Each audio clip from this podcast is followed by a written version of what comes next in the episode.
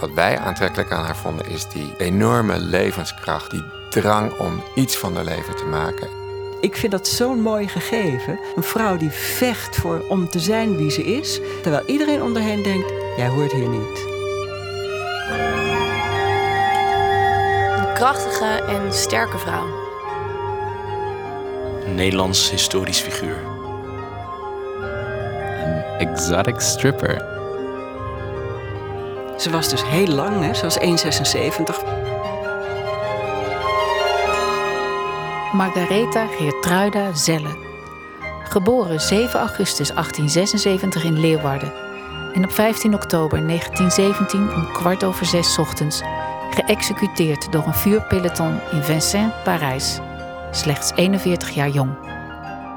Mijn naam is Lin van Ellinkhuizen en bij mij in de studio zijn te gast Ted Brandsen, artistiek directeur van het Nationale Ballet en choreograaf van Matahari. En Janine Brocht, toneelschrijfster, dramaturge en in dit geval librettist. Ja, Ted, om toch maar bij het begin te beginnen. Kende jij Matahari voor het hele traject van de voorstelling? Ja, natuurlijk. Ja, ik kende haar verhaal al langer. En ik heb heel lang geleden, ik denk wel twintig jaar geleden, ooit een, een roman gelezen van Richard Skinner, The Red Dancer, over Matahari. En toen dacht ik al, dat is nog eens een interessant verhaal ooit voor misschien een keer als ik ooit een verhaal aan ballet zou maken, maar dat deed ik toen niet. En dus toen we begonnen na te denken over een nieuwe productie. Um, en ik dacht aan, je moet een onderwerp hebben wat zowel in Nederland als in het buitenland een soort aantrekkingskracht heeft. Uh, ik vond het interessant om het over een sterke vrouw te hebben. En nou, dan kom je toch niet snel, maar dan kom je op een gegeven moment uit bij, bij, bij deze Margaretha Zelle. Hm. Een Nederlandse die internationaal furoren heeft gemaakt als danseres. Want dat was het andere dat was het criterium. Ook wel, ja, het moet wel ergens iets in, of het moet in dans te vertellen zijn. En is het wel fijn als het dus iets met dans te maken heeft. Want uh, wij hadden ook al tegen elkaar gezegd. Een ballet over uh, pakweg Marie Curie, dat zou ik nou niet zo zien zitten. Een dansend verhaal, um, dat is toch een uitdaging om dat te maken van een vrouw die in feite uh, niet echt een danseres was. Nee, Janine. nee, ik denk dat ze ook niet echt kon dansen eigenlijk. Ik denk dat ze kon bewegen. En dat was ook echt voor mij best een enorm probleem. Uh, omdat ik dacht, oké, dan hebben we hier een gezelschap met topdansers uh, op, op wereldniveau. En we hebben Anna Tsigankova. En die gaat dan iemand dansen die niet kan dansen? Hoe gaan we dat doen? Waar gaat dit over? En uh, ja, dat was wel een zoektocht om dat op te lossen. En, uh, en het, het, antwoord was uiteindelijk dat het, dat het gaat niet over de biografie van een vrouw, maar het gaat over over een vrouw die onder hele rare en tegenwerkende omstandigheden een mythe van zichzelf wist te maken, die zichzelf voortdurend opnieuw kon uitvinden, die een enorme drive had om de wereld naar de hand te zetten. En dat tragiek was dat de wereld om haar heen veranderde en zij uiteindelijk niet. En ja, dat is eigenlijk het onderwerp van, van onze Matahari. Dus hoe kun je zo'n hoeveelheid aan gebeurtenissen, hoe hebben jullie daar keuzes in gemaakt? Of hoe zijn jullie begonnen? We bedachten dat we het verhaal in korte, snelle scènes wilden vertellen, als een soort film. En niet heel lang uitgesponnen en, en heel erg uitgebreid, maar wel juist omdat ze zo'n veel bewogen leven had, waarin zoveel gebeurde, een beetje dat gevoel van jachtigheid en snelheid en ademloos achter jezelf aanrennen, dat wilden we er ook in hebben. En dat, dat neemt de muziek neemt dat ook mee. Hè? Daar gaan we het straks ook nog over hebben. Um, Janine, kan je misschien in, ons meenemen in de, eerste, in de eerste acte? Wat, als je het dan zo hebt over die snelheid, wat zien we gebeuren? We hebben er steeds een aantal momenten van stilstand ingebouwd. En dat zijn vaak momenten waarop een, een foto wordt genomen, een groepsfoto. En vandaar vanuit die stilstand wervelt het dan weer verder. En in het begin zie je Matahari als heel klein meisje... die niet kan stilstaan voor een familieportret. Dus die dan steeds wriemelt en weg wil. Hm. En ze moet stilstaan, ze moet daar staan. En ze staat daar met haar vader... En haar vader gaat meteen daarna, die verdwijnt eigenlijk uit haar leven. En dat zet eigenlijk die zoektocht in gang. Die zoektocht naar mannen zoektocht naar succes, zoektocht uiteindelijk misschien wel naar de vader. Ja. Wat je dan ziet is inderdaad een jong meisje die, die langzaam ook merkt dat jongens, mannen geïnteresseerd in haar zijn. Dat dat een manier is om de wereld een beetje te kunnen controleren. Uh, je ziet haar vrij snel al vertrekken bij die familie en, en, en kennis maken met wat later haar eerste man zal worden, Rudolf McCloud. Met wie ze een stormachtige eerste relatie heeft. Ze gaat trouwen heel jong, hij is 20 jaar ouder. Uh, zij, is heel, zij is 19. Ze vertrekken naar Indonesië. Het huwelijk blijkt niet uh, goed. Ze krijgen wel kinderen, maar er is nogal wat onmin tussen die twee. En het eindigt met de dood van haar zoontje, hun zoontje. En uh, Rudolph McCloud die vertrekt en de, dochter meeneemt. En zij blijft alleen achter en moet zichzelf opnieuw uitvinden. Nou, dat krijg je in zeg maar een uur of zo te zien. Dat is een hele snelle opeenvolging van scènes. Dus eigenlijk de eerste acte is zeg maar de jeugd en tot roem komen. En de tweede acte is echt de omslag. Hoe lang blijft zo'n roem gelden? Hoe lang blijft dat? Iedereen nou, dat zegt eh, Andy Warhol, 15 minutes of fame. Nou, bij haar duurt het iets langer dan 15 minuten, maar ook niet heel veel langer. niet, heel, niet heel lang, want alles waar, waar haar, haar faam en haar beroemdheid op rust, zijn die paar jaar dat ze, dat ze het helemaal was daar in Parijs en daardoor ook elders. Uh, maar dat, ze, ze, heeft eigenlijk na, na een jaar of drie is al eigenlijk opgehouden met optreden.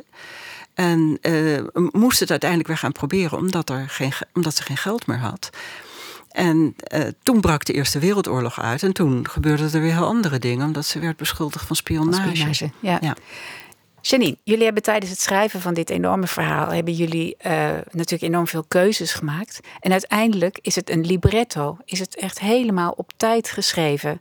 Uh, hoe doe je dat? Hoe hebben jullie dat gedaan samen? nou, de timing kwam eigenlijk na het schrijven. Toen we het eens waren over wat de scènes waren en of ze binnen of buiten waren, of het warm of koud was en hoe de mensen zich voelden. En ik heb het allemaal zo geprobeerd op te schrijven dat het zou uitnodigen tot beweging.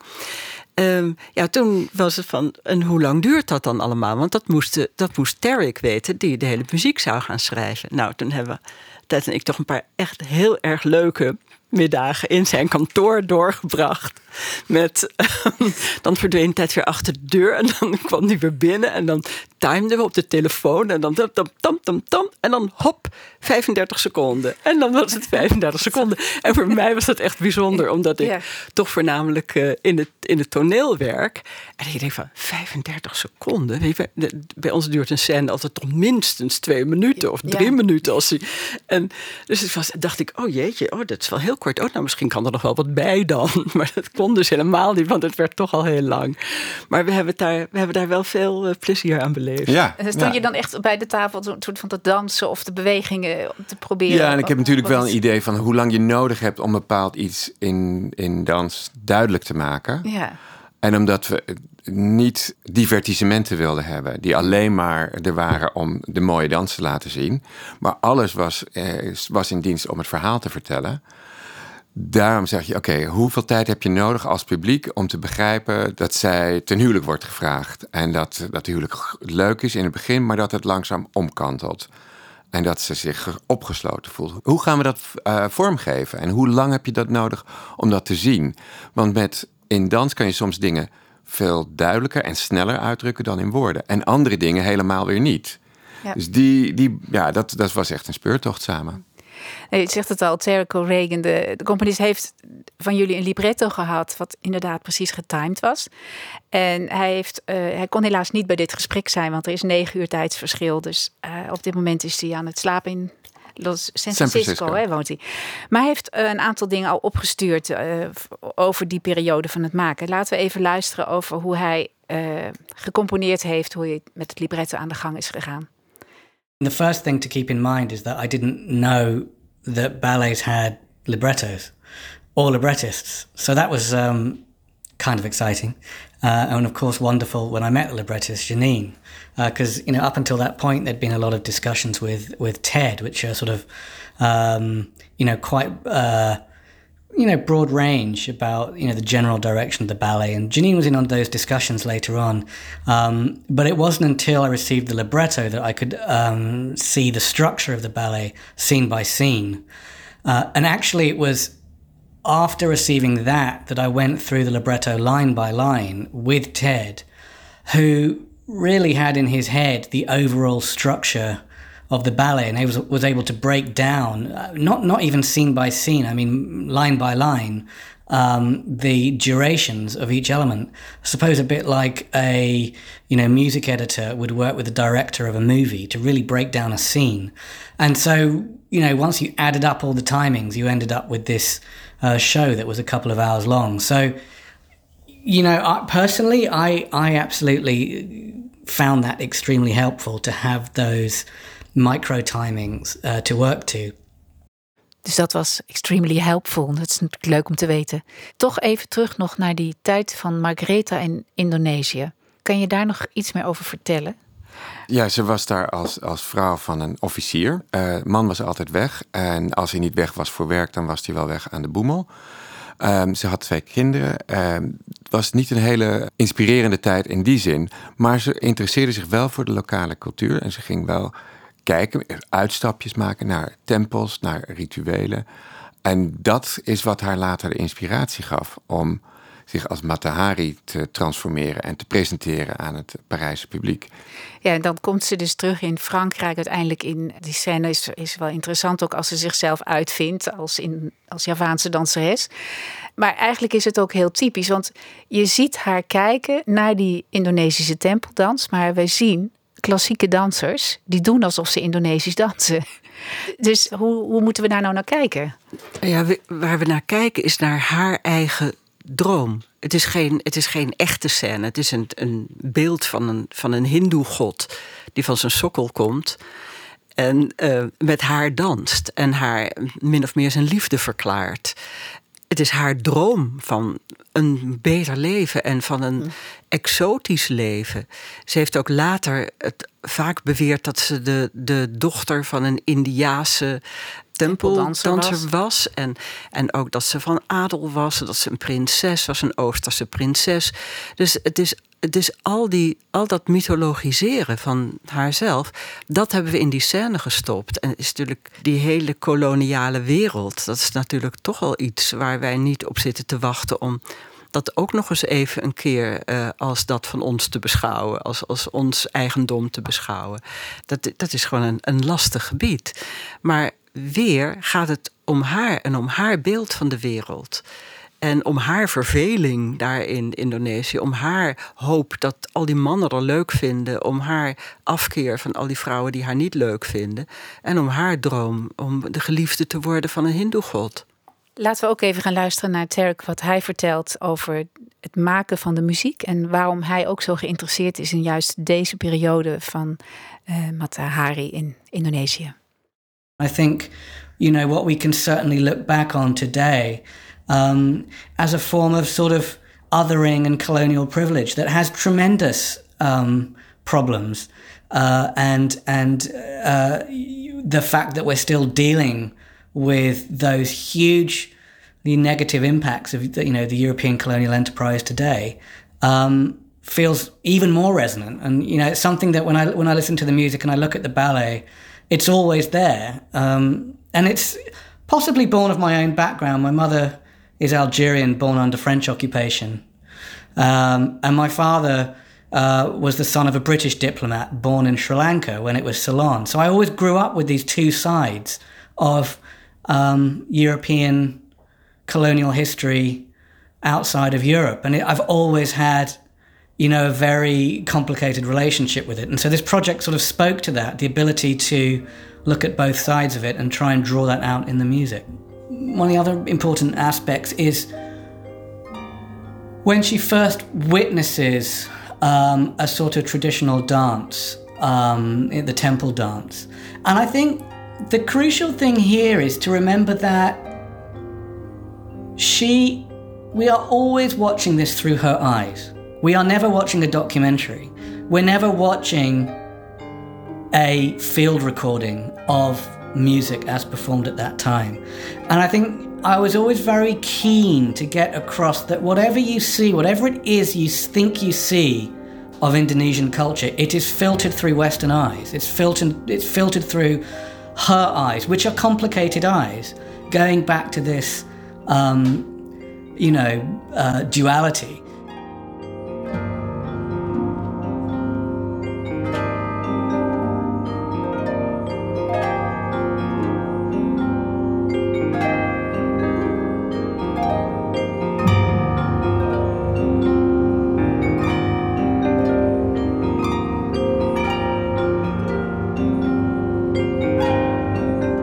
Hebben de laatste acte, het laatste deel van haar leven.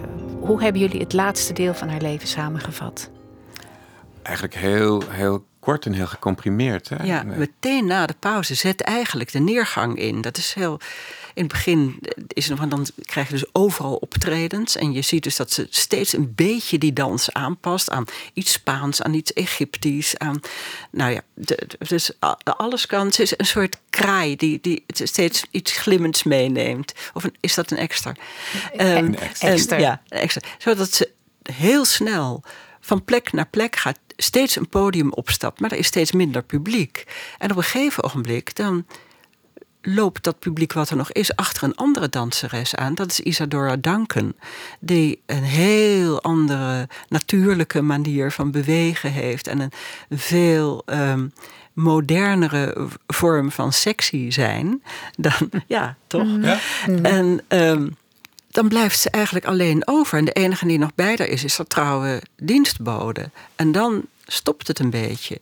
Terwijl ze net haar grote liefde gevonden had. Dat zou ik nog zeggen, die Vadim Maslow. Ja. Want dat is toch ook een van de motivaties geweest? Uh... Absoluut, absoluut. Ze heeft hemel en aarde bewogen bij de Franse geheime dienst om naar de Elzas te kunnen reizen. Want je had natuurlijk overal een reispas voor nodig toen. Uh, om, om bij hem te zijn. En hij was gewond en ze is hem gaan zoeken in, in alle ziekenhuizen en alle frontziekenhuizen die er waren. En uh, ja, hij was twintig jaar jonger dan zij. Maar het was wel een echte grote liefde. Waarschijnlijk de eerste echte grote liefde. Hoewel ze wel heel erg verliefd is geweest op haar eerste man. Maar dat duurde heel kort, helaas. Ja, ja. en uiteindelijk is er ook in, in de archieven die, die, die dus later zijn opengegaan... En er is geen overtuigend bewijsmateriaal gevonden voor... Uh, wat voor spionage ze ook geleverd zou hebben. En als er al iets van informatie is geweest die zij vanuit, de, vanuit Fransen naar Duitsers of andersom heeft gebracht, was dat bijna altijd uh, informatie die al bekend was. Soms stond het al in de krant. Dus het is, ze heeft eigenlijk niet iets uh, gedaan behalve zichzelf presenteren als spionne op een moment dat dat gewoon niet meer kon. En inderdaad, als, en, en ze was een, hoe noem je dat? Ze was een overtollige vrouw geworden. Heel cru klinkt dat, maar dat is precies wat er aan de hand was. Dat is haar tragiek.